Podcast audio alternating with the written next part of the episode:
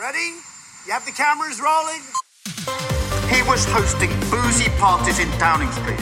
But when the president does it, that means that it is not illegal. I have a dream. We will win this election and we will change the country together. And we love both sides. We're going to bring people together. We're going to unify people. Velkommen. Velkommen. Jeg heter Sofie Høgestøl, Og jeg heter Eirik Bergesen. Og dette er vårt nokså uhøytidelige, veldig personlige forsøk på å gå bak ukas nyheter, lete etter sammenhengene, si noe om fremtiden, på jakt etter det store bildet, slik vi ser det. Hver fredag. Hver fredag.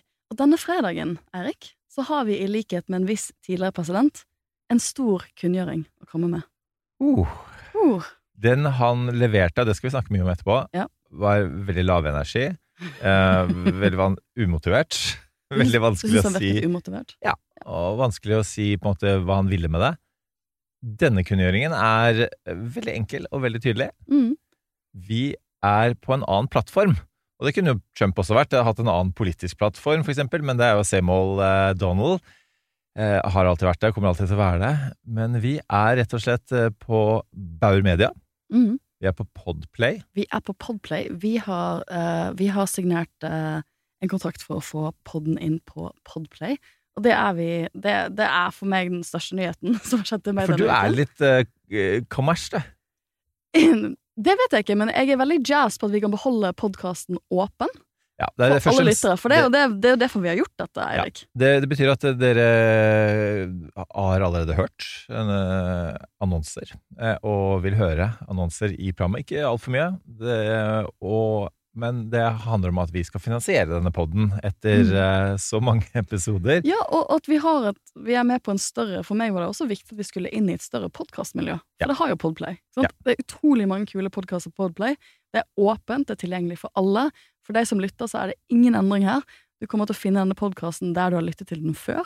Og forhåpentligvis så kommer dette til å gjøre at vi kan nå et enda større publikum med podden. Og for meg så er det også sånn Dette er noe vi skal virkelig satse på i 2023.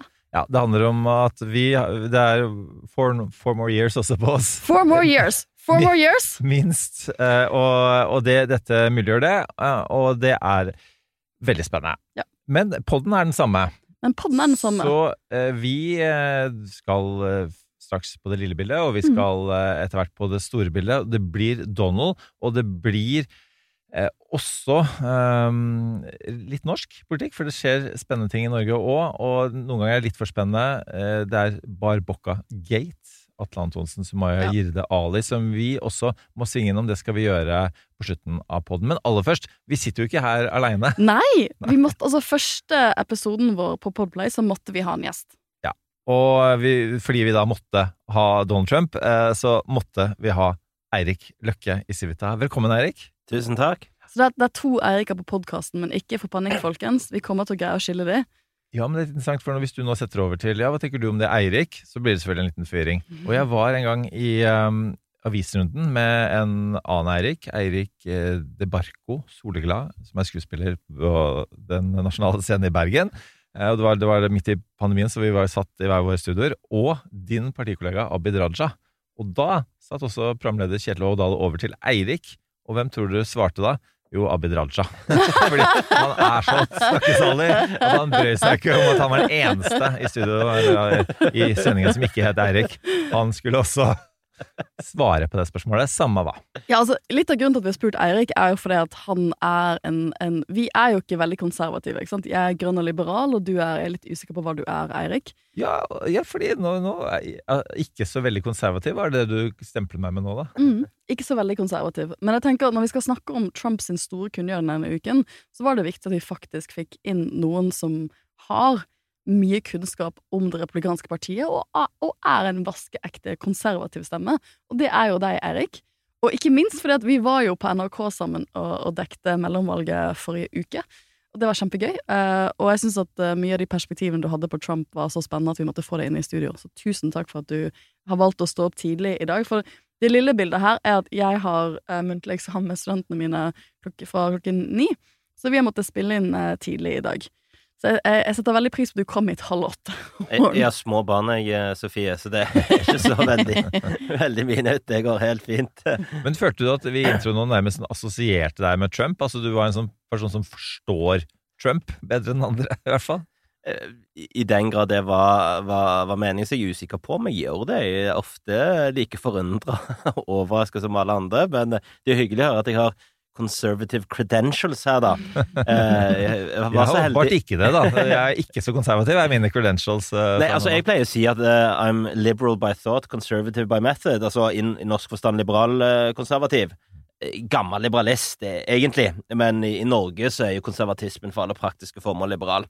Eh, litt annerledes hvordan de ser på det i USA. Men jeg har hatt tilknytning til det republikanske partiet i den forstand at jeg var så heldig å få være frivillig for John McCain i 2008. For de litt eldre lytterne så husker de kanskje tilbake til Barack Obama 2008. Eh, Eller de veldig nerdete lytterne, og det har vi mange av. ikke sant? Så, så det, og da var jeg jo frivillig for et parti som ikke lenger eksisterer, og det kan vi jo komme Det kan vi komme tilbake til. Ja, fordi Um, eh, det som er eh, Jeg må bare også hive inn at eh, jeg også hadde deg i TV-studio, eh, Eirik. Fordi da vi hadde vår første episode av Amerikanske tilstander, vi bytta om eh, fra norske i forbindelse med valget, så, så var det én mann vi måtte ha der, og det var deg, Eirik. Fordi, fordi du, du har et, eh, et sideblikk, da, i tillegg til å være stasjonert der du er eh, politisk. Eh, Og, og så er det litt sånn der som du sikkert får spørsmål av, av mange, da. Er sånn, men ja, verden, hva er det som skjer i, i det republikanske partiet? Og det er litt, litt derfor du er her også nå, men bare sånn kjapt, fordi du, du rett og slett drev valgkamp for John McCain. Mm. Og som du sier, det var, det var et annet parti den gangen. Ja, Man fikk jo en liten pekepinn hvor det var en med visepresidentkandidat Sarah Palin. Eh, Som ikke vant valget sitt Ja, Det- det, til. Kongressen denne stemmer det. uken. med dette eh, preferansesystemet i Alaska, så, så nådde, hun, nådde hun ikke fram. Men tilbake i 2008, når hun ble utnevnt som viser, var det veldig få i Norge som hadde hørt om henne.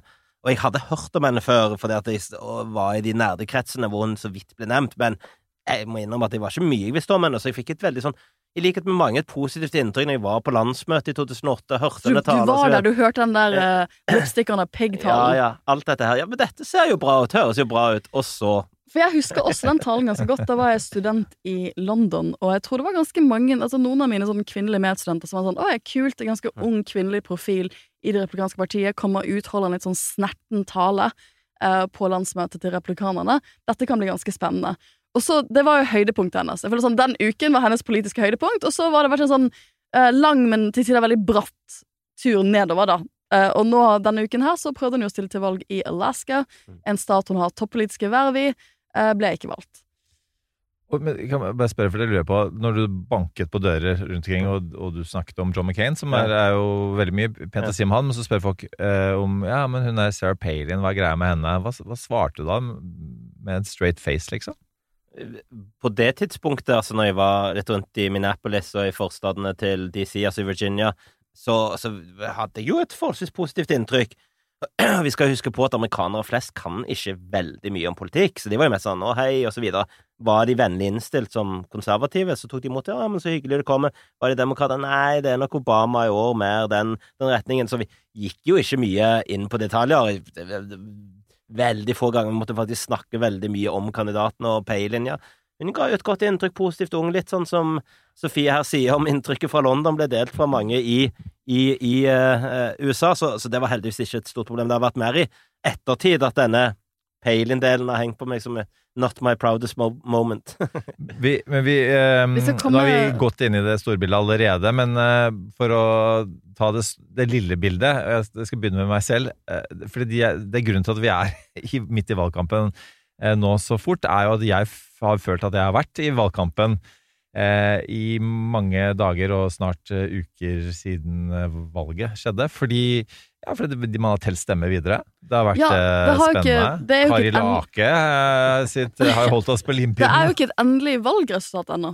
Vi, vi, Vi vi vet jo nå hvem som kommer til å kontrollere de forskjellige kamrene. Vi vet at demokratene har fått flertall i Senatet. Vi vet at republikanerne akkurat i går kom over den terskelen. Vi har jo ventet på det, at de kommer til å få kontroll over Representantens hus. Men vi har jo fortsatt ikke et endelig uh, valgresultat. Og så har jo noe så ekstraordinært skjedd uh, som at på tirsdag kveld norsk tid så lanserte jo en, en pensjonert uh, Florida eh, pensjonist eh, sitt kandidatur for 2024. Så nå har jo Vi, vi hadde ikke en uke engang før valgkampen 2024 startet. Og jeg, jeg for min del, mitt lille bilde denne uken har vært at, um, at jeg har blitt kalt inn på Stortinget.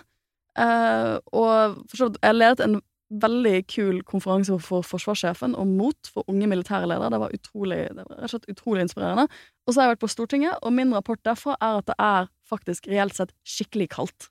Altså, jeg satt i salen i går og frøs genuint. Og folk går rundt der med sånn pledd og sånne ting rundt seg da.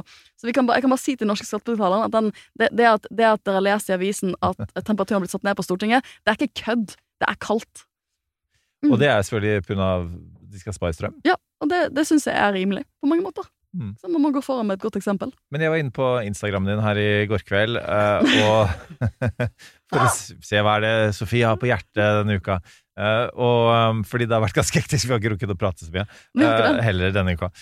Men da, så, da, så, da hadde du lagt ut um, et utkast til en tale, og du skrev riktignok at du hadde kort tid på denne talen. Jeg skrev den på fem minutter, tror jeg, før jeg skulle det, ja. Men det var veldig interessant å se. Det var, var det kjære president? President, ja. President, Ja, og så var den nedover, og det var egentlig helt uleselig. Eh, men da tenkte jeg hm, er det sånn liksom, parlamentarisk politikk eh, foregår? Hva, ja, hva handlet talen egentlig om? det, det funka sånn at um, eh, Litt sånn helt tilfeldig så var en av de representantforslagene jeg var med på sist, var oppe til diskusjon og til votering i går. At vi skulle stemme over det. Og det er veldig sjelden, for jeg, jeg er jo ikke der så ofte. Så det er veldig sjelden at jeg kommer til å være der på en dag hvor man tilfeldigvis da skal stemme over et forslag jeg har vært med på. Men det forslaget, det forslaget handlet rett og slett om uh, å få liksom, ja, kaste ut flere russiske båter fra norske havner, da. Som er en sak som Venstre har vært på veldig, veldig lenge. Um, men med, grunnen til at jeg var i den debatten, var at det ble en sånn prinsipiell debatt om Stortingets rolle i utenrikspolitikken. Uh, hvor liksom resten av uh, utenrikskomiteen har skrevet en merknad hvor de mener at Venstre liksom går utover det som er konstitusjonell eller grunnlovsmessig riktig, da. uh, for Stortingets rolle i Prerogativ, er ikke ja, det ja, ja, ja, ja, ja. uh, I utenriks... Og og da var Har vi sånn tittelen til podden-episoden nå? Prerogativets rolle i det Ja, konstitusjonelle da, da følte jeg meg kallet, da, for jeg, jeg mener at de tar litt feil. og, at de er, og at Stortinget er ganske inkonsekvente når det kommer til altså det, Stortinget har liksom prøvd å instruere regjeringen i utenrikspolitikken før de siste årene. Det har vært flere saker. Så jeg følte meg rett og jeg underviser jo statsrett, da følte jeg meg litt kallet til å gå inn, for jeg sitter jo ikke ute jeg, var jo egentlig Ole Elvestuen. Det er Ole Elvestuen han er på klimatoppmøte. Så, men da følte jeg meg kallet til å gå inn i salen og, og, og vie noen tanker om paragraf 26 av Grunnloven. grunnloven. Men jeg syns det var skikkelig jeg synes det var ganske vanskelig, for som forsker er jeg jo vant til å bruke ganske mye tid på noe. sant? Men her måtte jeg stunte noe på fem minutter. Jeg hadde ikke alle bøkene mine. Og det var liksom, da, Men da var jeg sånn Nei, Sofie, nå skal vi prøve å være sånn ordentlig politiker som gjør du, du, Jeg kan ikke sitte liksom og ha fotnoter på ting hele tiden. Det går ikke. Økte du temperaturen i salen med talen din? Nei. Det det hadde nok, vært veldig eh, kostnadsbesparende, da. ja, det er nok ingen som ville beskyldt meg for det. Uh, men, ehm, men det betyr også at uh, jeg, jeg når jeg, altså når jeg våknet opp onsdag morgen veldig veldig tidlig, for jeg skulle forberede den der konferansen for forsvarssjefen, så våkner da opp til nyheten at Donald Trump har annonsert han stiller i 2024. Og jeg lurer på med dere to, tenkte dere at han kom til å gjøre det? For vi, vi snakket jo sist eh, forrige uke i podden. Kommer han til å annonsere, eller kommer han til å ta til seg valgresultatet? Kommer han til å vente, eller må han annonsere nå fordi at han, han er under press i det republikanske partiet? Hva, er, hva tenkte du? Eh, Erik og Eirik. Eh, Ja. jeg tenkte at han kom til å gjøre det. Altså, det å gå tilbake på dette ville vært å miste ansikt på en måte som eh, The Don rett og han slett har ikke jo vil gjort gjøre. det før. Han har jo, jeg føler at det er veldig Don Jo, han si kunne sånn funnet på en måte å, å, å løse det her på for seg sjøl og andre om at eh, den store annonseringen var et eller annet annet bullshit eller noe sånt. Men eh, han har jo for alle praktiske formål drevet kampanje lenge. Ja. Eh, eh, og jeg tror at han egentlig ble enda mer bestemt på det, i den forstand at nå var det viktig å gjøre det hvis han skulle vinne, eller hvis han skal vinne, så må han være tidlig ute for å skremme bort de andre, eh, og bare liksom sette i gang, få det her gjort, eh, og så får han ta det derfra. Eh, så, så jeg trodde at han kom til å gjøre det, var det han hadde annonsert, men jeg må jo innrømme at jeg var jo litt spent, jeg òg, etter at han hadde fått seg noen på trynet i, i mellomvalget. Ja, og det var litt sånn litt det å, å våkne opp til at han hadde faktisk gjort det, holdt en time lang tale, og den Jeg har ikke sett hele talen, jeg så de, deler av den. den. Den er ikke så mye mer sammenhengende enn en det den var før. Og jeg antar at den talen har jobbet med, for det, det, vi har fått, liksom, det som har vært liksom, beskjeden i amerikansk medie, er at um, han har hatt lyst til å annonsere dette her for lenge siden, altså før mellomvalget, og så har partiene vært sånn please, please, please, please, please, ikke gjør det. Det er et så stort sjangerbrudd. Vi har ikke lyst til mellomvalg. Det skal bare handle bare om Trump-show. ikke? Vi trenger å få ro i rekkene nå for å liksom vinne dette mellomvalget. Det Kan jo være at de redda Representantenes hus på at han ikke gjorde det. Ja, ikke sant? Og det, og det, og det Men, men Eirik eh, Eirik B, hva syns du? Nei, altså jeg det var, um, Jeg la merke til hva, hva Eirik L uh, sa. Dette med uh, at, at en han han var sånn evig han er, han er i evig valgkamp. Og da jeg hørte deg si det her og der, så tenkte jeg ah, det var det, liksom, det ene poenget jeg bare jeg skulle gjerne ha stjålet fra deg. da Eh, Og derfor stjål fra deg. Det er jo ABC. Always be campaigning. ja, jo, og det, det er jo litt sånn der, Det er litt sånn som politikk er, og det er, noe, det er noe av det som Trump er bra på. eh, At han på en måte bruker enhver anledning til å samle både penger til å stille valg, og at han driver valgkamp. da. Um, men altså, det var jeg, nei, jeg også var veldig sikker på det, og jeg, jeg skrev en sånn um, kommentar til uh, TV 2 som het noe sånt som um, Selvfølgelig stiller han, og så så jeg at uh, The Economist hadde akkurat samme tittel. Nei. Ja. Uh, og så endret jeg litt til klart han stiller. Jeg tror jeg fortsatt jeg har ripped off Economist. Jeg har ripped off både Erik Løkke og The Economist jeg, samme uke. Uh, men det er, det er jo liksom, vi- jeg tror vi alle mener noe av det samme, og det som er litt interessant nå, er jo at konservative media også mener det samme. Eh, og, og, det, og det har jeg ikke disse trumpistene som sikkert sender meldinger til deg også, Eirik. Som- Ja ja, jeg blir kalt uh, Antifa-delen av Civita. Det tror jeg, det tror jeg vi skal ha inn på episodebeskrivelsen vår. Vi har fått med oss Antifa-delen av Civita. Sa sammen med kollega Bård Larsen, som vi også har vært Vi er Antifa-delen av Civita. Altså, for jeg tenker det er mer som The Lincoln Project-delen av, av Civita. ikke sant? At jeg, jeg vet ikke om det er noen annen del for så vidt av Den, Civita. den første delen av Lincoln Project Etter hvert så har de utvikla seg til å bli en, en kampanjemåte som jeg misliker, da. men, Fordi, men fordi De har vært veldig grisete med å kle seg ut som nazister, eller hva de gjorde eh, rundt omkring i Virginia, eller noe med Hvis jeg ikke husker helt feil, med Jonken-valget.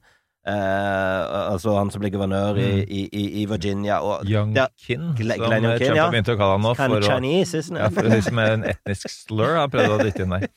Ja, men, men i alle fall eh, Vi kunne sikkert hatt en egen podd om, om Lincoln Project, men, men ideen om å få et konservative tilbake til Abraham Lincolns parti er noe som jeg veldig mye assosierer meg med, selv om det har jo hatt mye skandaler der. Og så Når du sier, sier vi kunne hatt en egen pod om Lincoln Project, da, for- for det er liksom sånn lunsjpraten med Civita. Det er ikke Junken i Jungle, sånn egen pod om. Så nerdete er ikke vi, uh, Men- men er ikke, Men, men kan jeg bare si bare Fordi Ja. dette med Ja. Fordi eh, jeg vil bare si kjapt at, eh, eh, at disse trumpistene eh, som sender meldinger For da kan jeg si at eh, det vi sier eh, i Norge, og det, det tror jeg faktisk har gjeldt før òg, er jo ikke i nærheten av de karakteristikkene han får eh, i altså Trump i eh, amerikansk media. Og nå er det ikke i nærheten av de karakteristikkene han får i konservativ media. Og noen av mine favoritter der var National Review, som har et stort bilde av Trump hvor det står 'no'. Og de har dette Voltaire-sitatet, at det å sammenligne Trump som presidentkandidat, eh, det er som eh, forholdet til en orgie. Og hvis du deltar én gang, så er det et eksperiment. To ganger er det perverst. jeg tipper det, det, det sitatet har de gått og venta lenge på å Altså, bruke. jeg, jeg syns at The New York Post tok kaken med sin oppslag om dette. Og der, de, liksom, deres um, overskrift var 'Florida man makes announcement'. Eh, og liksom og, og sånn 'Been there, done that'. Ikke sant? Og så, så skriver de 'With just 720 days to go before the next election, a Florida retiree made the surprise announcement Tuesday night that he was running for president'. Jeg tror det er sånn jeg kommer til å tenke på Trump. En sånn, en sånn, pensjon, en sånn pensjonert mann i Florida med 720 dager til neste presidentvalg valgte å stille igjen. Og det, det som er sånn, det mange gjør et poeng ut av, er at for eksempel New York Post er jo eid av Rupert Murdoch, og hvis Murdoch har kvittet seg med Trump hvis, Dette her er sånn, Hele den lille spalten der var en drepende takedown av Trump, og hvis de er der liksom, Hva betyr det for hans sjanser? Men vet du hva jeg kom til å tenke på? Altså, eh, Både med Murdoch og med andre, dette er jo déjà vu til 2015. Mm. Hele det republikanske establishementet. Murdoch og Fox, de, de, de, de kjørte jo, hvis dere husker Megan Kelly og på den første debatten med Fox. Alle var mot Trump. Så sa velgerne nei, vi skal ha Trump. Eh, og så kom den ene etter den andre. Ted Cruz, som kalte han en patologisk løgner, har jo vært på knærne etter Trump hele veien siden. Altså, hele, alle republikanerne Ja, etter 6. er januar, det- samme. Altså, så, så la oss nå se, da. Altså, ok, han har vært president, han har fått noen på trynet, nå er han en, en sertifisert taper, noe han ikke var i, i, i, i 2015. Det er forskjeller her, men jeg var sånn déjà vu tilbake til 2015 og Ja, for, 2016. for det er det store spørsmålet mitt. Det, det er liksom det jeg har fått spørsmål om fra forskjellige personer denne uken. Er han ferdig? Sånn, Kan man virkelig nå si at han er ferdig? For jeg har også fått litt sånn déjà vu fra 2015, i den forstand at når man har avskrevet Trump, så har han ofte hatt en helt Altså helt, helt egenstående evne til å komme tilbake og bare kjøre på videre. Og, og det er jo Du snakket jo om å ta tilbake partiet ditt. Mm. Og det er jo ofte sånn jeg har tenkt på republikanske partier, at de har tatt en del vei, avgjørende veivalg siden Trump kuppet partiet i 2015-2016 og ble eh, kandidaten deres eh, for presidentvalget i 2016. Og det veivalget var litt i 2018. Ikke sant? De valgte å ikke sånn Eller jeg vil si, første veivalget kom etter uh, There were good people on all, all sides etter uh, deres, uh, de nazist, nynazistiske eh, eh, opptøyene i Virginia som førte til at noen ble drept. Det var et veivalg, ikke sant? å ikke ta avstand. Så var det et veivalg um, Et veldig stort og avgjørende veivalg etter eh, stormingen av Kongressen. Eh, og det veivalget for meg var så avgjørende Altså Når man ikke tar avstand fra han etter sommerkongressen, så har, jo, da har jeg tenkt hvor, når kommer det oppgjøret? Uh, for da det er kanskje det mest avgjørende som skjedde i februar-mars 2021, er jo at istedenfor å ta avstand De kunne jo også for så vidt fått han dømt antageligvis i riksrett hvis de hadde eh, hostet opp nok personer i senatet. Det, det, det var noen dager der hvor det så ut som det kunne gå den veien. Eh, og så valgte man da å double down. McCarthy, um, Kevin McCarthy, uh, som leder liksom replikanerne i Representantenes hus, han springer ned til Florida og, og liksom forsoner seg med Trump. Og nå vil Eirik smette inn nå. Så du hvor liten jeg gjorde rett og slett Jeg innsmettet mitt med fingrene her nå? Kevin McCarthy vant eh, lederskapet i eh, Representantenes hus. McConnell vant i eh, Senatet mot Trumps kandidater, som fikk nesten null eh, Mm. stemmer. Nok et tegn på hvor partiet står. Ja, men, men, men, så, men det var et sånn helt avgjørende veivalg. Og nå, nå må de ta et nytt veivalg etter dette mellomvalget her. De har fått et veldig tydelig beskjed fra velgerne, som er at vi vil ikke ha ekstremistiske kandidater i svingstatene, og de må jo ha svingstatene for å kunne, velge, for å kunne vinne et presidentvalg. Og da er jo spørsmålet mitt, kommer de til å ta det til seg, eller kommer Trump til å gjøre det han gjorde i 2015, som er bare å kjøre på, på tross av at eliten og mediene ikke vil ha han, men vinne grasroten og så vinne tilbake bak partiet. Og da ser jeg på dere begge. Da, jeg kan eh, begynne, Eirik. Ja. Eh, nei, altså, vi, altså eh, Poenget at the end of the day, da, og det gjelder jo alt amerikansk politikk, er jo det er jo velgerne som avgjør. Det er jo knapt partiapparat, og i republikanske partier er det jo ingenting igjen. Det er jo Trumps parti, eller i realiteten det partiet til den som enhver tid eh, leder på, på meningsmålingene, antageligvis nå, da, eh, fram til valget. Eh, og og så kan du si at så er det litt interessant dette med, med media, for ikke sant, eh, ja, Murdoch som på en måte har snudd nå, men han har snudd før, og hvorfor snur han? Jo, eh, eh, jeg skal ikke si at eh, det er sånn kommersiell eh, media eh, på en måte tankegang. Nå sitter vi i Bauer Media, jeg vet ikke hvordan det, man, det står til her med policy-tenkningen, men altså, man vil gjerne selge eh, produktet sitt, eh, og nå ser eh, Murdoch at eh, det som selger, det er anti-Trump. Eh, og så hvis eh, plutselig, la oss si, ting endrer seg i den forstand at eh, ja, han med et mye større nasjonalt nettverk, mye mer penger, plukker fra hverandre DeSantis, som han har gjort kandidat etter kandidat etter kandidat, 17 stykker på republikansk side etter hvert. Um, og, så, og, så, og så ser de at oi, han går opp mot en enda mer aldrende, kanskje enda tydeligere tegn på det, Biden, eller en fortsatt usynlig, fortsatt ineffektiv Kamal Harris. I det hele tatt så tenker de at ok, hvem er vinnerlaget nå? Og er det kanskje Trump? Da kommer de til å snu seg. Eh, vet, altså Murdoch, og, han, Murdoch er jo da New York Post, som du nevnte, ikke sant? Eh, Fox, men også Wall Street Journal. Så ganske, vet ikke, altså, han eier det meste av konservative media. Jeg vet ikke hvordan, om han står bak eh, Civita og Det er, det er andre, andre rike i Norge som står bak der. det er Soros som står bak dere. Men ikke sant, det, det er jo noe med altså, jeg, jeg, jeg tror for å si sånn, jeg, jeg tror ikke han får til uten uh, å, å ha med Murdoch på laget, men Murdoch kan uh, fort snu. Eller hva tror du, Erik?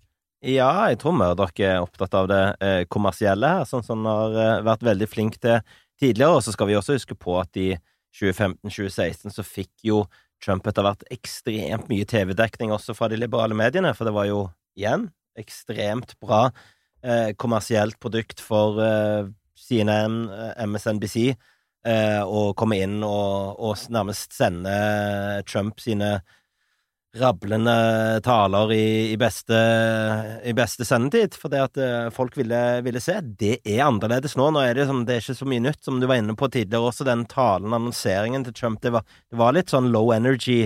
Det var ikke det, det, var, det, var, det var ikke helt dette alle meksikanere er kriminelle, some of them are good people, I think, og liksom bare virkelig hadde den der sjokk, eh, sjokkeffekten. Eh, men, men, men, som det sies, altså dette er jo kommer til velgerne. Det er jo igjen for å sitere Abraham Lincoln with public sentiments. Det finnes ingenting du ikke kan gjøre. Without it, det er nesten veldig lite du kan gjøre.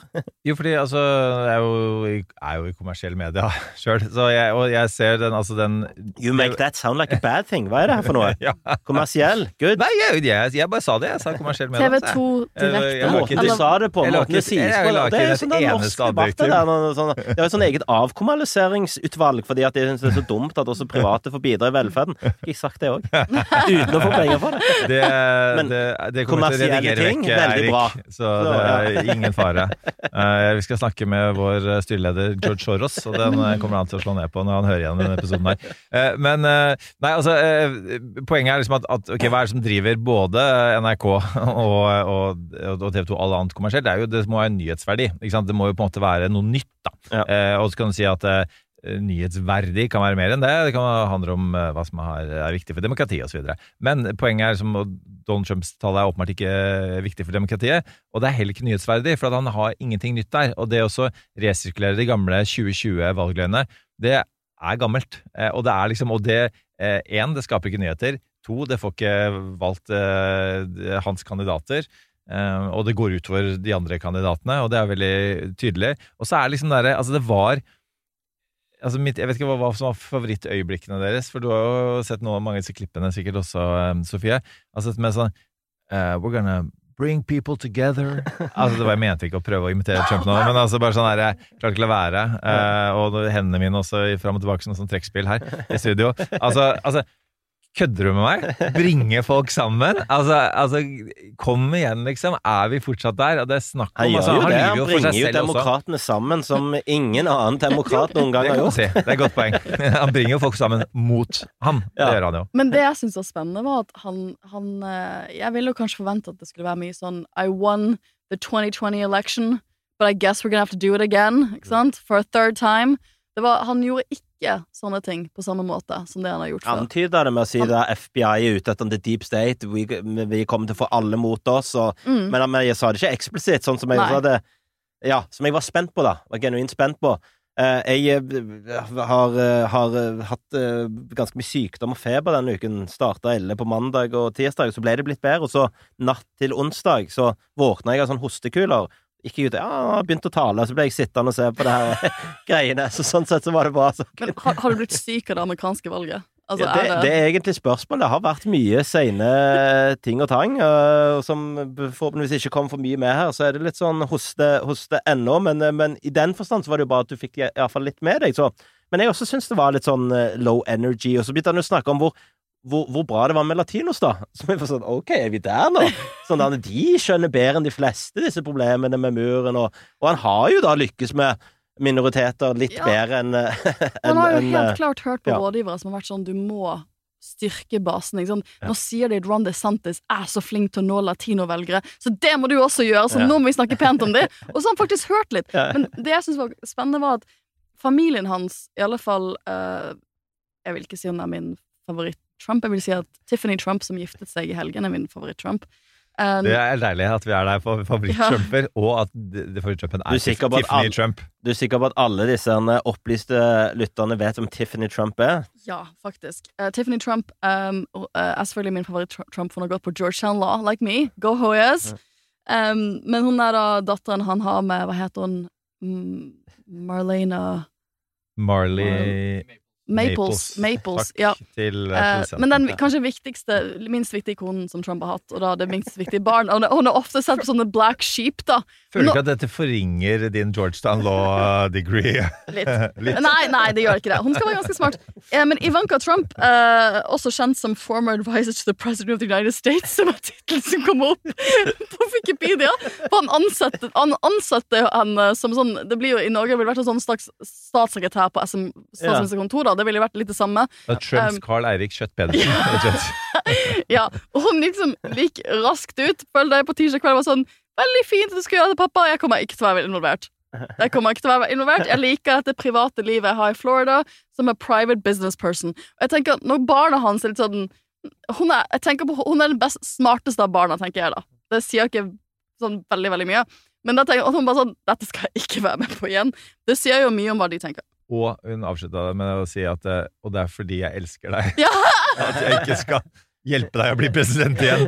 Altså, det var, sånn, det var den fremste sånn herre It's not uh, It's not you, No, it's me. It's, I, I love Og hvor det helt tydelig er Not me, but you. It's all about you. Men altså Men eh, godeste Trump i den, apropos barna, om det var Donald eller Eric, ble jo sammenlignet med Al Capone. ja, ja, det var Eric. Og for Don var jo ikke der. Nei. Eh, eh, Don Junior var, var ikke der, det var også ganske utrolig. Eh, Det var jo ingen som var der, for øvrig. Men det er sånn, når familien hans er sånn Vet du, jeg har ting å gjøre på tirsdag, jeg kan ikke være med på dette her. Eric var der, og Eric Dette, dette vet våre trente uh, lyttere. At, at uh, Eric er jo liksom uh, den som alltid, eller aldri, klarer å, å slutte å søke Trumps oppmerksomhet. Og han var sånn Dad, I'm here! Jeg, se på meg, se på meg der. Og det gjorde faktisk han, da, med å sammenligne med med Al Capone-sammenligning, riktignok. Men, eh, men han som faktisk var der, det var han eh, ene, han i, i rullestol. eh, Han som også har blitt stemt ut, som også er en loser. Han eh, Madison K. Cawthorn. Ja, som er under FBI-etterforskning. Ja. Og eh, Ja. blant annet for noe orgievirksomhet. Han Ja. håper kanskje at det ble en orgie etterpå. Ja, og jeg, jeg synes jo Det er jo litt sånn original altså, Ja, nei, det, det er originalt. Så han, han Ja. var faktisk på Voltaire at, eh, at orgie, pervers orgie er en bra ting, da. Ja. Eh, for øvrig. Eh, Men det jeg, mitt favorittøyeblikk der da, var når du, du ser da på TV-bildene at, at eh, folk eh, begynner med å se på klokka, og så begynner å gå mot utgangen, og så viser det seg at utgangen er stengt av sikkerhetsvaktene. For folk lov til å forlate eh, dette lokale, forsamlingslokalet, som er et, et tillegg til å være en fantastisk metafor for hvordan vi alle føler oss. Vi har lyst til å forlate Trump sin politiske agenda, men vi klarer ikke, for døra er stengt, og vi står og hamrer på den. Vi vil ut. Eh, så altså, det er jo ganske oppsiktsvekkende. Han samlet jo ikke eh, den energien som han vanligvis gjør, for det gjør han jo. Nå tenker jeg at vi skal hoppe Nå har vi snakket mye om denne talen. Nå skal vi hoppe litt over til å snakke om hva republikanerne skal, altså resten av partiene kommer til å gjøre i ukene som kommer. Og så må vi jo sveipe inn om at Nancy Pelosi har gått av med pensjon innen alder av 82. Ja, for det jeg syns er spennende her, det er jo at um, eh, De stakkars, det er ikke synd på de for så vidt, men republikanerne i Representantenes hus de hadde jo gledet seg til å få et skikkelig flertall. Og nå kommer de kanskje til å sånn hinke over flertallsstreken. De, liksom, de har akkurat hinket over den nå, så er det spørsmålet hvor mange flere seter får de. Men de får antageligvis ikke mer enn sånn tre, fire, fem mandatsflertall. Og Det betyr at de må jo være enige om alt hele tiden. Det er jo en drøm. Vi må jo tenke at det er jo Det blir da 200, kanskje 22 av de, og det er jo flere folk enn som sitter i det norske storting. Og jeg sånn hvis alle det, liksom, det å få så mange mennesker til å være enige når de egentlig representerer helt forskjellige valgdistrikt og helt forskjellige fløyer i partiet, det er ikke lett. Også fordi at nå fraksjonerer jo det republikanske partiet. ikke sant? Det veivalget de gjorde, som jeg snakket om i sted, etter stormingen av Kongressen, var at vi skal holde partiet samlet for å vinne mellomvalget 2022. Og det var jo ikke egentlig det som skjedde, det ble et veldig blandet resultat. Eh, og nå er de såpass eh, fikk, De fikk ikke den De hadde jo håpet på kanskje 20 mandats flertall i Representantenes hus, for da, da ville Kevin McCarthy, da, som da blir speaker, ville hatt mye mer slingringsrom. Hva er det som skjer der nå? Jo, eh, eh, i går så, så jeg på en pressekonferanse um, med, med noen av disse mer trumpistaktige personene, som da snakket snakker litt om sånn hvor, eh, hvor mye håp er det for impeachment nå?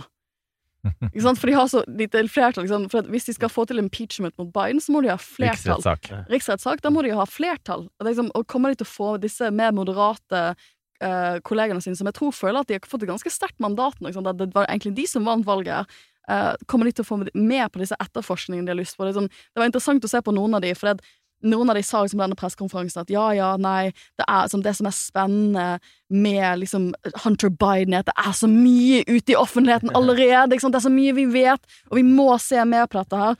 Um, men de er jo den skvisen at det er veldig uklart om de kommer til å få eh, eh, nok flertall til å kunne fortsette med dette. Hva tenker dere om den borgerkrigen vi nå ser utspille seg? Ja, borgerkrig er et interessant eh, ord, for det var jo noen som tenkte at ja, nå blir det borgerkrig mellom demokratene og republikanerne, og så har det jo i stedet blitt borgerkrig mellom republikanere og republikanere. Eh, men de kommer jo fortsatt å prøve å, å rette skytset mot eh, demokratene da, fra republikansk side, og, og det som, nå skal vi litt tilbake til Eirik Løkkes USA. Newt Gingrich. Nå ser du eh, eh, sitter ivrig og klar til å følge opp på det, Eirik. Fordi uh, altså, han prøvde jo å, å stille en president til riksrett, nemlig Bill Clinton, på for så vidt en sak som i våre dager en, har vært en klar metoo-sak. Mm. Hva sa du? Ikke bare prøvde, Han gjorde fikk det det jo. til. Ja, jo, men, men han fikk, fikk han ikke dømt. Uh, og, og noe av grunnen til at han ikke fikk han dømt, og det er jo at saken måtte ikke være viktig nok politisk. Ikke sant? Det var, ikke, det var en, en fæl sak, og enda fælere igjen i ettertidens eh, lys, eh, gitt at eh, det, det måtte maktovergrepet mot en ung kvinne som jobbet for han. Men det handlet ikke om politikk, og man prøvde å få det til å gjøre det. Og det ble en veldig backlash på, ved neste valg på grunn av det. Og jeg tror at det republikanerne kan ende opp med, er at de havner rett og slett i samme felle.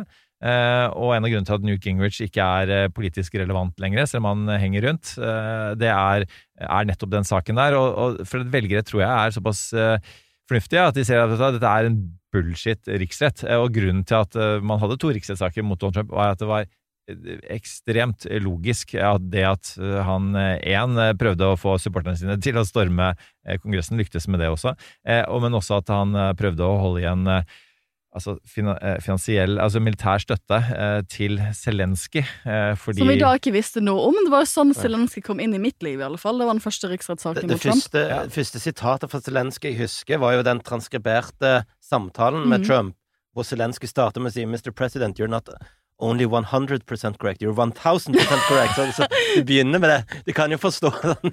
at det det var er sweet talking. Og jeg tenker jo bare for et liten sånn apropos det med, med den første riksrettssaken, for det at det, det demokratiske basen ville jo stille han til riksrett mye tidligere. Du hadde jo Comey-saken, hvor han basically innrømte, og det er jo det som er noe av, av styrken med, med Trump. Han kan bare i full offentlighet. Og man tenker sånn, Hvis han sier det her i full offentlighet, er det ikke noe hemmelig. Da går det ikke an å drive riksrett på det her. ja, jeg fjerna Comey på grunn av dette russlandstullet. Som er liksom sånn der definisjonen av eh, maktovergrep i, i, i min verden, da.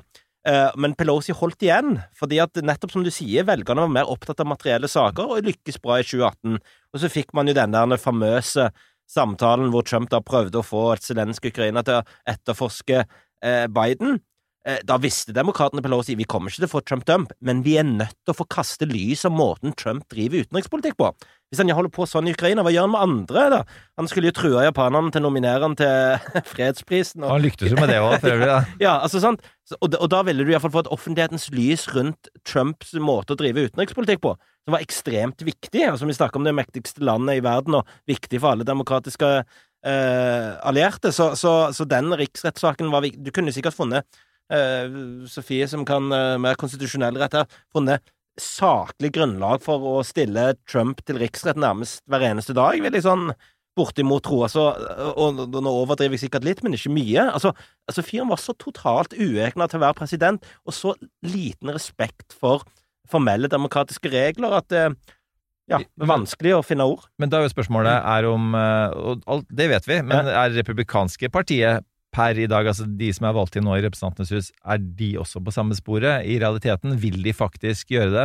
Og igjen da, for å du Om ikke du bekjenner deg til Trump, så bekjenner du deg fortsatt til det republikanske partiet, vil jeg tro, Eirik. Ikke dagens republikanske parti. Nei. Eh, ikke dagens ble konservative idealer, ja. Eh, Reagans eh, republikanske parti, men slik det har materialisert seg, altså med Kevin McCarthy Mitch McConnell er jo en gammel opportunist, eller en pragmatiker, for å si det på en fin måte. Eh, så, så, så ja da, det kan jo tenkes han finner tilbake igjen, men, men, men det samla sett, altså det som det republikanske partiet har gjort, er jo så tydelig å demonstrere manglende republikansk sinnelag. Selv en person som Marco Rubio, som jeg hadde veldig sans for og håpte skulle bli kandidaten i 2016, gikk jo fullstendig opportunisme. Eh, og det var bare så ekstremt skuffende.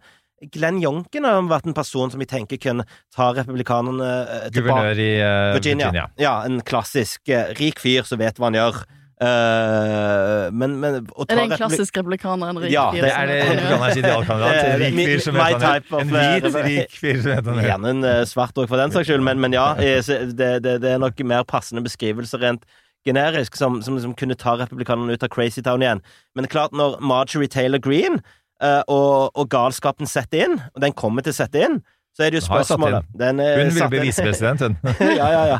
Eh, med, med, med flere. Legger Legge press på, eh, på såkalt moderate kandidater også. Vil de stå imot? Fordi basen i det republikanske partiet i et så splitta land som USA ennå splitta eh, Det kommer opp med massevis av overskrifter rundt Hunter Biden og annet sånn type bullshit. Så eh, koster det lite for eh, disse moderate også å stemme for riksrett. Eh, det kommer jo ikke bli dømt uansett. Det er jo litt det som jeg syns er interessant når jeg hører på personer som deg, da, som har vært involvert i det republikanske partiet, som, som identifiserer seg som ordentlig som, sånn som konservativ, da. det- Man har jo selvfølgelig def forskjellige definisjoner på det, men det er akkurat det du sier, det er den liksom personlige følelsen av at disse personene her, de forenger, og de, de, de, altså, de, de står imot Alt de gjør, står imot konservative ide idealene. For når jeg tenker på det republikanske partiet, så har jeg tenkt på sånn jeg har tenkt på sånn eh, solide verdier som å snakke sant, ikke sant, som å eh, tilbake til måteholdenhet, ikke sant. Eh, det, sånn- det er sånn tradisjonelle verdier som jeg tror ganske McCain da på mange måter embodied. Ikke sant? Sånn, han, han var et symbol på som jeg tror mange vil tenke er er noen av de bedre verdiene i USA. Ikke sant? Har ofte vært uh, målbært av det replikanske partiet verdimessig. Uh, og ikke det at de, det selvfølgelig Demokratene har jo også Men, men det, det, det er en God dose sunn fornuft. ja, og det, og det, og det tenker jeg Hvor, hvor ble det og Jeg, jeg syns det er interessant å høre på det. det, det jeg tror Grunnen til at du kan bli kanskje sint, mer følelsesmessig sint enn det kanskje jeg blir, er at du føler at dette her er å bare å, å spytte på alle de verdiene og være så opportunistisk som noen av disse klassiske konservative personene i det replikanske partiet har vært. Ja, ja, ja. Eh, Og det er jo grunnen til at personer som mange av de som var rundt McCain-kampanjen, Nicole Wallace, eh, som kan være noen har sett denne Game Change, hun som skulle støtte Palin og endte opp med ikke å greie å stemme på henne. Hun har jo eget program på MSNBC. MSNBC. Uh, Joe Scarborough også, som jo Altså Morning Joe, som jeg alltid hører fast på. Stort sett enig med, Morning, med, med Joe Scarborough i det meste av det han sier, var jo, eller er jo republikaner, eller konservativ er han, men er jo Han, han var så ekstremt committa til prosjektet og engasjert i prosjektet, og når du ser det tar den veien som det har tatt med, med det kognitive forfallet under Trump Altså, det er bare så Ja, man kan gråte mindre. Og, eh, eh, spørsmålet er, vi må dit, eh, er eh, når vi snakker om om Trump eh, vil lykkes å bli president igjen eller ikke, er jo om han i hele tatt vil lykkes med å bli republikansk eh, kandidat eller ikke. Og da har nok de fleste fått med seg Ron DeSantis. Han har blitt så kjent for folk at eh, Og det er litt ja, fun fact, Eirik, at eh, det eneste um, republikanske eneste politikeren, eneste amerikanske personen som Sofie har en norsk uttale av, det er Ron DeSantis. Ja, ja, og eh, Ron DeSantis Og jeg, jeg har faktisk begynt med litt sjøl. Ja, jeg ble påvirka deg. Um, eh, så Ron DeSantis Spørsmålet er hvem er han egentlig? Uh, fikk jeg sånn uh, spørsmål i et kommentarfelt her nettopp, og så måtte jeg tenke meg sånn okay, hva, er- hva- skiller han fra Donald Trump egentlig? Bortsett fra at han er en politiker. Det betyr at han vet hvordan man får gjennom Mm. politikk, i motsetning eh, til Trump. Eh, og det har han klart å gjøre, og han har altså eh, hans eh, Det han har gjort i Florida, og det er jo veldig omstridt, det er jo ganske effektivt. Eh, og så er han har også sittet i Representantenes hus, det er kanskje en del som har glemt. Han gjorde det under Obama. Da viste han seg å være til forskjell fra Trump, ganske sånn haukete, i den forstand at han ønsket at USA skulle intervenere her og der i verden, blant annet eh, i, både i Midtøsten eh, og, og også når det gjelder Han var jo i Iran. Irak-krigen. Ja, og det, det er jo litt det som fascinerer meg med Ron DeSantis, er at DeSantis DeSantis Jeg likte DeSantis, jeg. Vi holder oss på det så lenge vi kan. um, er jo at han har jo, hvis du Han har jo prøvd Han blir jo anklaget for å ha begynt å kle seg med som Trump og te seg med som Trump, og liksom sjuske seg litt mer til, Han har det samme trekkspillbevegelsen Ja. som Trump, og det er jo helt, helt riktig. Det, det, ja, hvis du ser på videoer fra han var i Representantenes hus, så var ikke det akkurat sånn han, han tedde seg da. Men det som jeg syns er fascinerende med han, er at han gjør jo litt det for å dekke over at han har en sånn Hvis jeg skulle skrive en sånn generisk, sånn klassisk bakgrunn for å bli presidentkandidat, så hadde jeg skrevet mye av hans CV. ikke sant? Han har gått eh, på Yale University for bachelorgraden sin, og så har han toppet det med å gå på Harvard Law School. Jeg føler at Hvis du har gått på både Yale og Harvard, da er du motivert til å bli president. Da har du tenkt mm. Og så har han da, ikke sant, igjen veldig klassisk, ikke gått inn i privat praksis, men han har joined the United States Navy in 2004 og tjenestegjort. Det er også noe du gjør hvis du er en mann med politiske ambisjoner. Han har en klassisk streber-CV for en person som har store politiske ambisjoner i USA. Du tenker ikke han gjorde bare det av patriotisme, da? Så kan- Alt programmet gjør, er kan selvfølgelig, kan godt være. Uh, nå er jeg bare kynisk. Uh, men hvis du da, ikke Og så blir han valgt inn i Kongressen i ganske ung alder, i 2012. Uh, for han, han er jo født i 1978, så da var han ganske ung mann. Så han har jo egentlig ganske sånn klassisk nesten broiler-CV, vil jeg si. Hvis du skal Du har jo ikke broilere i amerikansk politikk på samme måte, eller eh, på samme måte som du har i norsk politikk, for der er- stiller du ditt personvalg, og det er viktig at du har arbeidserfaring videre. Men han er jo veldig, veldig ung. Jeg tror mange han, Jeg føler at han kler seg Men som ville han ha vært er- mer broiler hvis han hadde vært i en av de store advokatfirmaene fremfor å vært i militæret, da? Ikke nødvendigvis, men jeg, jeg syns også det at han liksom, han har vært eh, liksom, Når han kommer tilbake fra, fra Irak, så er han i DOJ, altså Department of Justice. Og det er også sånn klassisk, sånn, veldig klassisk CV-bygging for å, å kunne stille til public office. Så det gjør han jo forskjellig fra Trump, men det han har greid å gjøre som guvernør i Florida, det er jo å få den litt sånn populistiske vrien, hvor at han snakker ikke mye om at han har gått på Harvard og Yale. Det kan jeg ikke registrere at han gjør, ikke sant? men han, han liksom har, liksom har begynt å te seg litt mer som Trump, snakke mye mer populistisk. Sant? Men jeg tenker jo at det som er spennende med han, er at han er det motsatte av Trump, da, er at han er en politiker. Trump var jo ikke en politiker som har gått inn og, liksom, og, og, og hatt den profilen, da. Mens han er jo en politiker som har gjort seg mindre politikeraktig med bakgrunn og fremtoning de siste årene, for å, for å liksom, imøtekomme det republikanske partiet der de er nå. Og så må jeg også huske på at han vant uh, Han vant jo suverent gjenvalg i Florida nå, men i 2018, i en demokratisk bølge, var 0,4 han vant mot Andrew Gillum, Mm. demokraten. Og det hadde han nok ikke gjort hvis han ikke hadde hatt Trumps støtte Nei. i det området rundt der. Så det er jo der den Ron DeSanctimonious-opplegget fra eh, som er Trumps kallenavn. Så vi kommer til å høre mer om at han burde vært mer takknemlig for dette. Og der har Trump et ørlite poeng, det er ikke ofte jeg sier. Nei, og Ron den skinnhellige. Og jeg liker jo det at, eh, han, at jeg er den som driver oversetter fra engelsk til norsk her i studio, som kanskje har merket. Men eh, det, det gøye med Sanctimonious er jo at, at, at magafolkene skal må stave Sanctimonious på plakatene sine. det liker jeg veldig godt. Eh, Men nå nå Vi skal- skal, vi nå skal skal jeg, nå skal jeg eh, Ja. banne litt i kirka, eller katedralen, som eh, Thomas Seltzer ville ha kalt det. det. Det at vi tre sitter og prater om amerikansk politikk. Um, eh, og fordi eh, Hvis du tenker at eh, eh, at amerikanske presidenter i gamle dager, da skal vi på, på, på sånn Reagan og Bush junior Kanskje ikke det var de skarpeste. Så vet jeg at Ikke avbryt meg ennå, Erik. Eh, eh, men altså så, Men de ble fremstilt som de var streetsmarte på et sett og vis, men de var ikke på så intellektuelt eh, skarpe.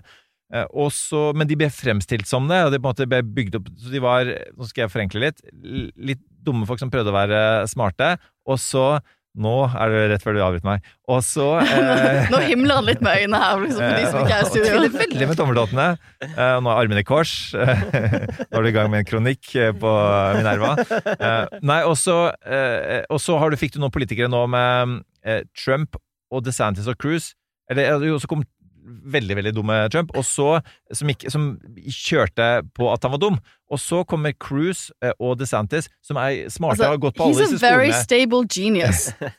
Trump. He's very, Det he sto knows for øvrig all the også i best den New words. York eh, Post-artikkelen om han.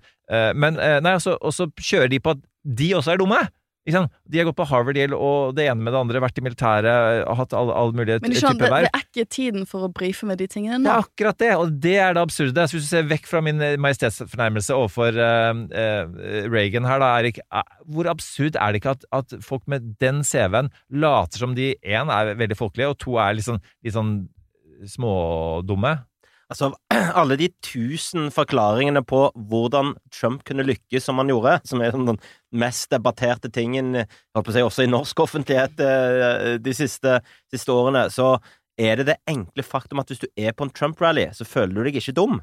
Du skal aldri undervurdere den eh, effekten. Og du hadde jo noe av den samme effekten med Bush jr. versus Al Gore. Al Gore var jo visstnok noe av det smarteste som noen gang har eksistert. Han har Eh, Nobelprisen, han ja, har ja. har Oscar ja. altså Al Gore fikk nobelprisen i likhet med Obama og Carter, eh, som nærmest for ikke å være republikanere. Um, det er ikke, så, ikke så verst, bare, bare det. Men men du hadde den effekten da med sånn Bush junior i debattene, både, for så vidt både med, med John Kerry og, og, og Al Gore, om dette at du, at du skal være folksy og alle disse tingene. Og Bush junior hadde en herlig sånn eh, bondsk Oliver Stone finner den litt i denne W- eh, W-filmen, selv om den eh, Men, men, men Bush var jo, var jo ikke veldig sånn Han er selv tidlig på det. Han spøkte jo veldig mye, mye, mye med det, men Bush var en patriot. Så du kan si at det er absurd, men dette går tilbake litt i moderne amerikansk politikk, om at du skal være en av folket. Du er en person som du har lyst til å ta en øl med. Men Obama er også kjempepopulær, men han prøvde jo aldri å gjøre seg dummere enn det han er. Eh, Kåre Willoch i Norge, altså dette med å være folkelig Gahr Støre får det ikke helt til for tida, men, men, men, men Willoch var jo Hun kunne så mye om han, men særlig sånn folkelig i den forstand vi bruker det, var han ikke, men han var populær for det. For det, eh, du må jo finne du, Det er noe med å være autentisk. Og det er jo iallfall Trump. Jo, men det å være autentisk er nå nesten blitt det samme som å være dum. Er det, det er jo ikke bra. Nei, men jeg er ikke enig i det. Obama Måten han bidro til i mellomvalget nå, og måten han ble valgt i 2008 og 2012. Eh, Men det er vel eh, kanskje noe i det republikanske partiet, da, hvor man tror man må gjøre seg dummere enn det man er. Jeg tror det er litt å undervurdere velgerne. Jeg må gå om tre minutter for å, å springe inn, så jeg skal la dere få runde av podkasten. Men før det så vil jeg bare koppe innom Nancy Pelosi. For det at en av, nå har vi en liten vordende borgerkrig i det republikanske partiet.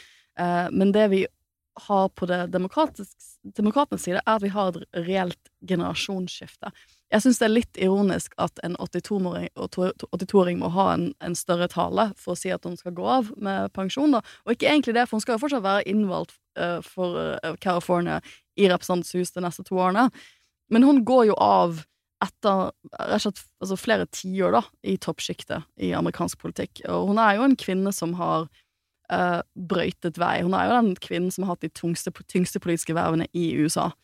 uh, og hatt over tid. Det er ikke mange som har vært speaker som hun var da demokratene hadde flertall under Obama, og så blitt speaker igjen, som hun var. Hun, hun, hun har jo tatt Det demokratiske partiet gjennom noen ganske hun har jo, Vi glemmer jo at demokratene hadde jo en ganske syltynn flertall, de også, de siste to årene i Kongressen, og det har hun vært med på å navigere de. Men nå har hun sagt at hun ikke tar gjenvalgs, øh, og ikke kommer til å være å lede demokratene i Representantenes hus, og heller ikke hennes nestleder kommer til å gjøre det. Eh, Så nå har du et reelt generasjonsskifte på gang hos demokratene. Og det spennende å se er A. hvem som blir valgt inn i posis- nøkkelposisjoner i Kongressen. B. Hvilken av disse guvernørene, nyvalgte guvernørene som vi snakket om sist, som nå kommer til å ta mer en sånn lederrolle i offentligheten, sånn målbærende for partiet. Vi vet at Kongressen er veldig upopulær, så det kan være vanskelig for noen av de å bli sånn reelle presidentkandidater, for det, det er liksom Kongressen kongress der jeg, bare, jeg så noe sånn statistikk på at det er bare 7 av amerikanere som er fornøyd med den jobben de gjør, så det er bare helt krise. Men, men liksom, dette gir jo rom for andre typer skikkelser enn Nancy Pelosi til å ta de store pressekonferansene, til å ta de store budskapene. Og så er jo spørsmålet hvordan føles det for Biden at hun nå, eh, når, når hun og en del av folkene på hans alder sier nei, nå er vi, nå er vi, nå er vi ferdig. Nå, nå er vi ferdig med disse vervene. Eh, hvilken type press vil det sette på Det hvite hus? For det du ser nå, er litt Det hvite hus som prøver å posisjonere Nei, nei, men han skal kanskje stille til gjenvalg, han er ikke så gammel. Mens nå går jo disse folkene av. Hva tenker dere om det?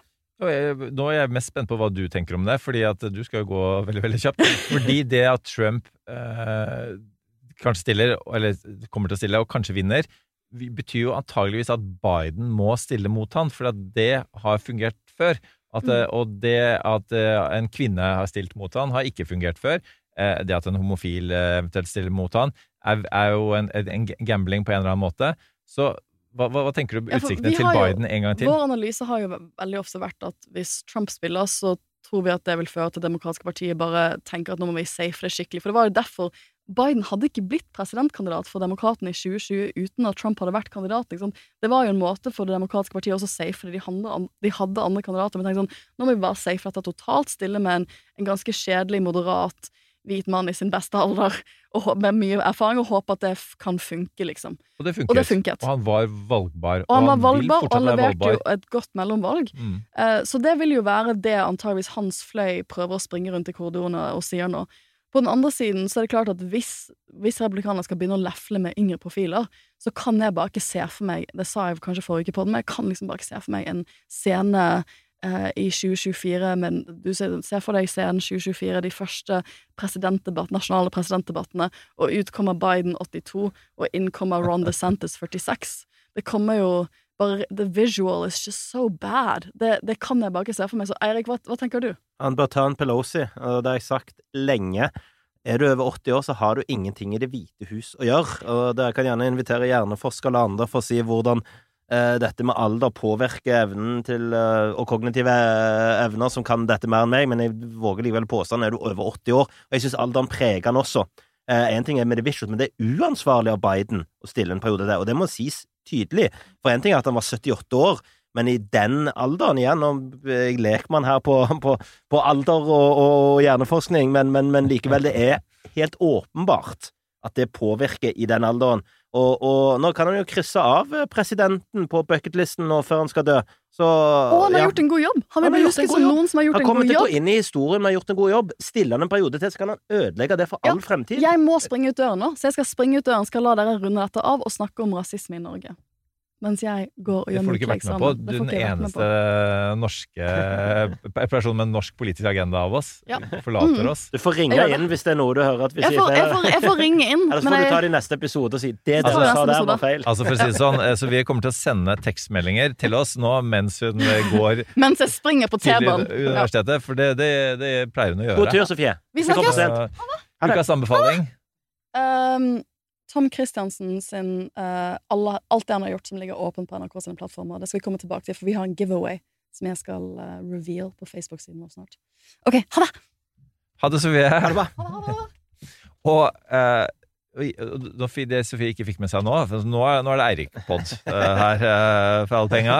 Eh, og nå tar vi hansken av.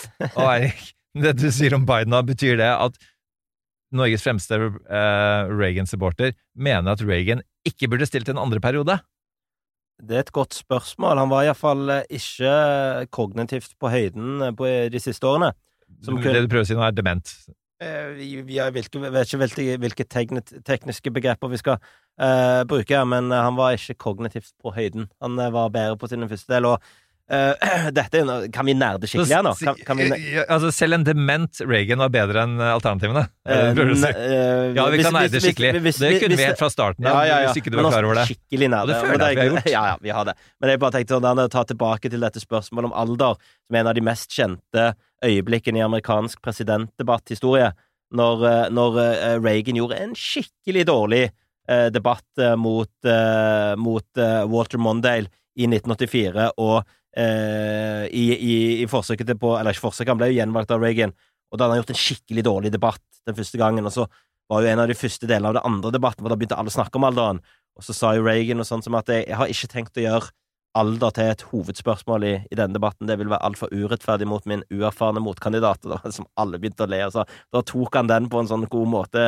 Vel, jeg tror ikke Biden kan kjøre en sånn når man skulle stille mot DeSantis i 2024. Jeg tror ikke det kommer til å gå like bra.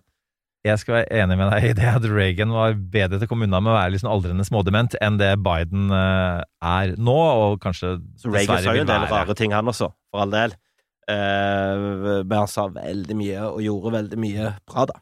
Ja, da, og, og jeg skal gi deg rett i, det var ikke meningen å kalle han dum i, i seg selv, og det er, han var jo en veldig dyktig politiker, og han skjønte dette med følelser, eh, ikke minst, eh, at politikk er mer enn bare en eh, ansamling med fakta, og jeg vokste opp i Reagans eh, USA. Jeg har vært i Det hvite hus på juletrefest sammen med andre diplomatbarn da Reagan var president, så Vi skal huske på han vant både 80-84 med landslides. Nå er det ikke noen sånn streng definisjon hva det er, men det var overlegne seire, som sier noe om hvor populær og hvor mye eh, velgerne i USA likte det Reagan gjorde. Og selv om eh, Sofie overlot tømmene til oss, hvis hun nå skrur på podkasten og hører oss nå fortsette i 45 minutter om Reagan, så tror jeg hun kommer til å aldri forlate dette podkaststudioet igjen. Eh, og, så vi benytter den anledningen Erik, til å snakke om Norge.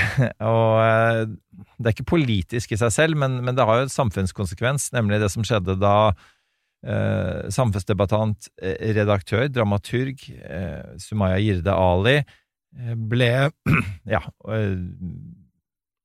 Utsatt for rasisme. Utsatt for rasisme av eh, kulturpersonlighet, eh, Atle Antonsen. Eh, og det, det jo gjorde at norsk selv, selv vi USA-nerder endte opp med å snakke mest om Norge denne uka, vi også.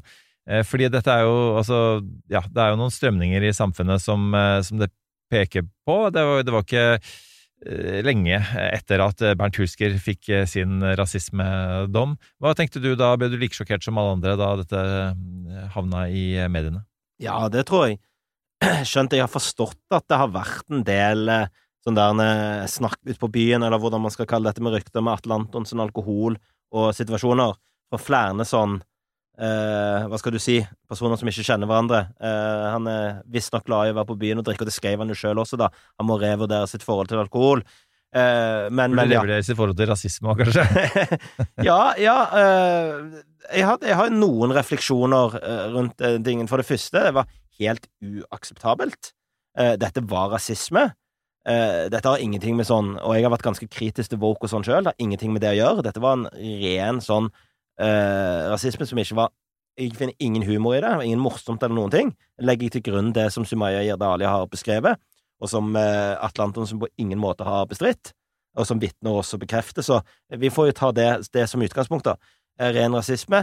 Eh, det, og, og jeg skjønner godt, og spesielt med det grusomme behandlingen som Sumaya, Sumaya Jirdali har fått fra andre plasser, altså Resett, eh, og sikkert generelt i, i, i kommentarfeltet, så det ja, Uff. Jeg syns eh, skikkelig synd på henne, og det er viktig at eh, eh, det norske samfunnet tar godt vare på henne, og det, det håper jeg og tror, og det ser også ut som, som, som, som, som gjør, da.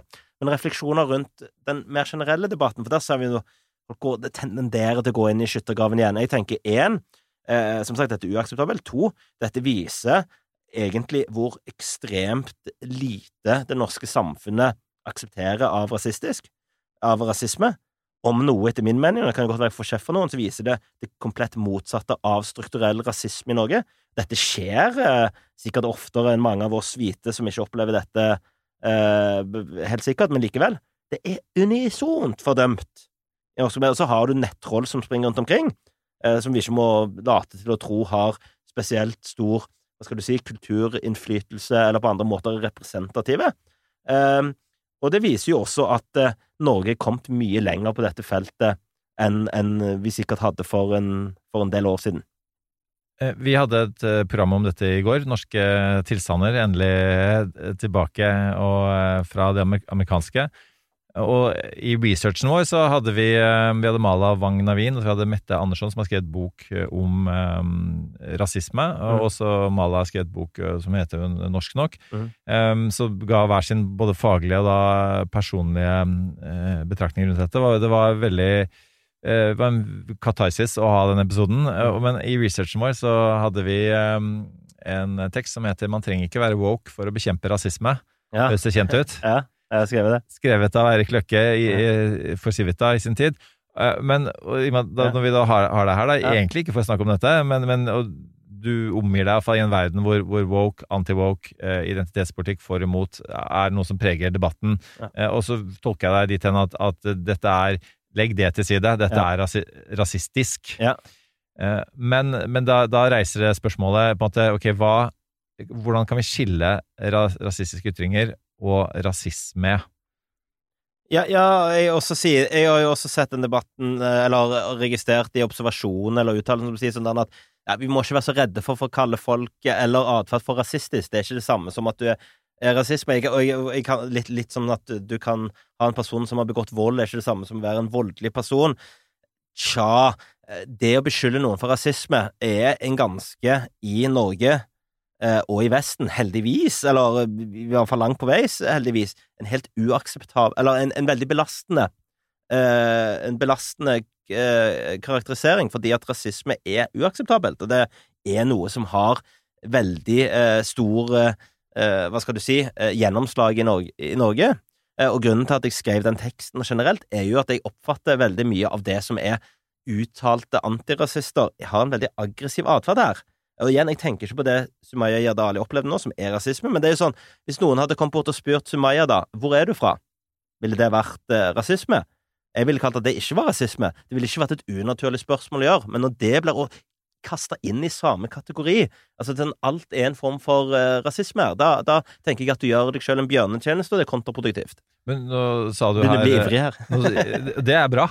Du får det til å høres ut som en negativ ting. Ja. Apropos få det til å høres ut som en negativ ting. Du sa til meg at dette, måten jeg sa kommersiell Ja. media på, eller eh, tonefallet, Ja. eh, mente at det var negativt. Nå sa du uttalte antirasister med sånn negativt tonefall. Er ikke det akkurat det vi trenger da? Folk som ikke bare er mot rasisme, men folk som er uttalte antirasister, som faktisk, eh, der du jobber, der du bor, bekjemper dette her, og som reiser seg opp i en bar når en type som eh, Atle Antonsen, som har makt over de kanskje eh, på arbeidsplassen sin Jeg håper at alle kan reise seg Jeg håper at alle kan reise seg opp i en situasjon med, med Antonsen, uansett om du er uttalt antirasist eller ikke, For det at det er det anstendige tingen å gjøre uh, for alle borgere som ønsker uh, et, et samfunn uh, som, er, som, er, som er anstendig. Eh, når jeg sier uttalte antirasister, så er det noe sånn der, fordi at det, det, det, det er sånn man forstår sånn, Enten så er man antirasist hele veien, og hvis du ikke er det uttalte og det eneste du er opptatt nå overdriver jeg litt, da, eh, så er det liksom sånn, da er du det motsatte. Jeg til sier sånn der, Startposisjonen er å være antirasist, og være mot det, for det er det anstendige borgere er. Eh, og så sier jeg det på en sånn måte, jf. også den teksten der, som er at jeg oppfatter måten flere av de antirasistiske bevegelsene, det har du også sett i USA, da, enten det er Black Lives Matter eller deler av hele den identitetspolitiske debatten i eh, Norge, som veldig aggressiv. Som altså så sier sånn mikroaggresjoner. Hvis du spør noen som det er eh, naturlig, eh, eller ikke unaturlig å spørre, eh, som ikke ser ut som etnisk norsk, da, eh, i en situasjon hvor kommer det fra, så kan dette være uttrykk for rasisme. Og den type, mik eller den type beskrivelse av rasisme tror jeg er veldig kontraproduktivt. Men hvis, hvis de hadde vært i studio her nå, Ja. og nå er jeg Antifa-delen av uh, det store bildet på den, og så ville de ha sagt at ja, men vi, vi må være aggressive, for at dette er så ille, og det haster. Og når du sier at, eh, at vi har kommet veldig langt i Norge, Ja. er ikke dette eksempelet eksempel at vi ikke har kommet langt nok, og at vi er nødt til å på en måte gjøre mer enn å bare reise oss i, i en sånn situasjon i en bar. Vi er nødt til å forebygge den type ting med å være litt uttalte, litt systematiske antirasister. Nei, for det kommer til backfire, og det ser du også når diskusjonen om det har peak woke i USA. Du ser den reaksjonen, som også får mye støtte fra velgerne, eh, så blir det veldig autoritære mottiltak. Fordi at hvis du eh, beskylder, eh, igjen og spissformulerer jeg overdriver litt, alt og alle for å være rasister, så kommer du til å ende opp med å undervurdere også de situasjonene som er det, i type Atlantons og så videre. Så jeg vil argumentere for at det er det motsatte. Eh, Da, da, hvis alt er rasisme, da er ingenting rasisme. Det er litt sånn som menneskerettigheter. Hvis alt er menneskerettigheter, da er ingenting. Eh, Det, det å si klart ifra når du har type Atlanten som mot Sumaya Yardali, det skal vi gjøre. Det å bedø kaste alt inn, at alt egentlig er en slags connecta med det, det er kontraproduktivt, og det vil ødelegge kampen mot eh, rasisme i Norge. Men det at vi får sånne situasjoner hvor folk ikke sier fra, eh, er vel, sier vel litt om på en måte, at de ikke har det i eh, blodet sitt, nærmest. Det sier vel noe om at Atle Antonsen nesten er to meter, og sikkert eh, fremstår eh, veldig, veldig aggressiv på byen ute, at folk flest ikke har lyst til å bryte inn. Det kan jeg skjønne, men de burde likevel gjort det. Jeg skal lande dette med, på et forsonende måte, nemlig ved å si at jeg er enig med deg i det du sier at hvis alt er rasisme, så er ingenting rasisme, og jeg tenker at hvis alle er rasister, så er de som er ordentlige rasister, og ikke bare sier noe rasistisk, eh, som er ille nok i seg selv, gjemmer seg litt i mengden. Og jeg tenker at eh, man må gi kred til de folka som faktisk jobber hardt dag og natt med å være rasister. De marsjerer eh, langt og lenge for nordisk motstandsbevegelse. De staver seg gjennom i timevis sine lange dekreter i sosiale medier. De går langt og lenge og, og finner på eh, Google Maps hvor eh, asylmottakene ligger, kaster egg. Ja. Ja, de gjør en innsats, da. Jeg føler at de har fortjent den merkelappen. Ja. Er du litt enig der? Jeg tror at eh, jeg, jeg kan skjønne hva du sier, men, eh, og, og, og spesielt fordi at de, ta, de er på en skikkelig tapende kamp. Eh, rasisme i Vesten har vært nedadgående fra nærmest all forskning som jeg kan se. Det betyr ikke at det er borte, men man måtte jevnføre, som de sier, hvordan det var på 50-tallet, hvordan det var på 90-tallet, og hvordan det er i dag. Eh, så, så ekte rasister, de er heldigvis De bekjemper en tapende kamp, og godt er det. Hvis jeg sier at eh, eh, ja, vi har strukturell antirasisme, og det, det er bra, og dette er et tegn på det, her våkner samfunnet til liv, men vi har også strukturell rasisme, Fordi se på kommentarfeltene. Alt er stengt i alle aviser. Er du med på den uh, konklusjonen? Jeg vet ikke om jeg ville kalt det strukturell rasisme, mer enn uttrykk for at du også har rasistiske sentimenter som ikke er spesielt strukturert som sådan, men de finner en plattform hvor de får lov til å si eh, det de har lyst. Jeg har to eksempler, hvis vi, vi vet at vi har holdt på lenge nå, hvor jeg tenker at det har noen form for stru, eh, strukturell rasisme i Norge. Det er jo den diskusjonen om, eh, om minoriteter blir stoppa oftere av politiet, denne kvitteringsordningen. Kanskje vi skulle prøve det, da? Jeg ser også noen motargumenter. Og så har du dette med eh, jobbsøknader. Der har du hatt noen prøver som ikke har vist at det har hatt noen spesiell effekt, fordi at arbeidsgiver vil ha inn de, de beste. Men ok, kanskje at det er måter som strukturelt sett gjør at minoriteter har større utfordringer. Så kan vi prøve å løse de, da. Ja, og for det er jo de reelle utfordringene. Ja. Eh, og det er det, det, er det, de, det strukturelle som er problematisk, Ja. er jo at man sliter rett og slett eh, eh, med å få jobb eller fungere i hverdagslivet Mm. fordi man har den fargen i ansiktet man har. Mm. Eh, eh, nå skal jeg gjøre det aller siste, tredje og siste forsøket på å avrunde dette her, eh, Eirik, med å si at Ron DeSantis er imot critical race theory eh, i skolen. Han har bannlyst det. Mannen som er mot cancer culture, har kansellert eh, det. Enig eller uenig? Nå skal jeg ha et ja-nei-svar. Uenig? Altså uenig med DeSantis? Ja. Bra. Da er vi på aller siste spalte, som er ukas avkobling og påkobling.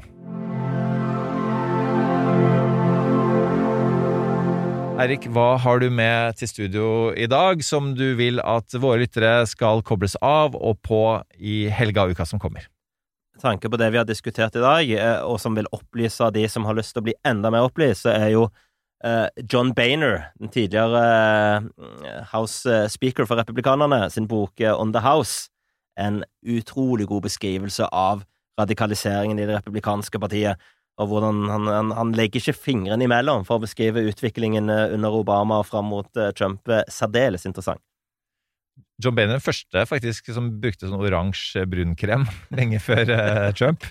Fun fact, som jeg vet våre lyttere han hadde setter sånn pris på. br- tolv søsken som drev en bar sammen, så Eh, nå har eh, bare ser jeg på telefonen min, for Sofie har sendt en hel del meldinger. Eh, noe er faglig som vi ikke har plass til. Noe er, eh, handler om at hun har lagt igjen iPaden, eh, iPaden sin her. Så, så hvis du hører på, det kan være at du faktisk hører på den før eh, jeg rekker å svare deg, så skal jeg ta den med og gi den til deg. Eh, eh, min eh, avkobling er eh, rett og slett eh, så enkelt som eh, Det er egentlig en påkobling. Det er eh, Thomas Seltzer eh, sin amerikanske amerikansk Carmageddon. Som er, eh, hvis dette var en stream of consciousness, eh, så er Seltzers bok det. Kanskje til og med litt sånn stream of unconsciousness eh, noen ganger. Eh, Men en fantastisk, jeg skal kalle det en rant, jeg, på minst 500 sider.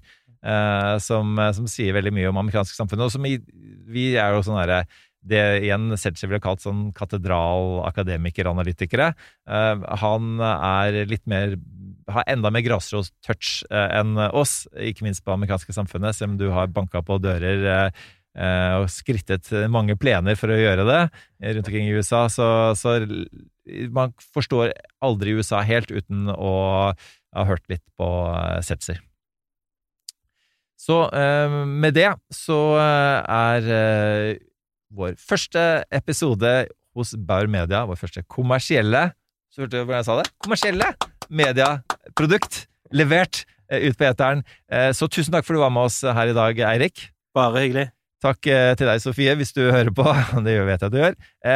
Og sitter allerede nå og følger eh, lyttertallene, eh, og er snart klar til å sende meg en sånn der, eh, en heidundrende gladmelding om det. For det har vært kjempefine lyttertall. Vi gleder oss til at det stiger, og det er nå grunnen til at vi er her.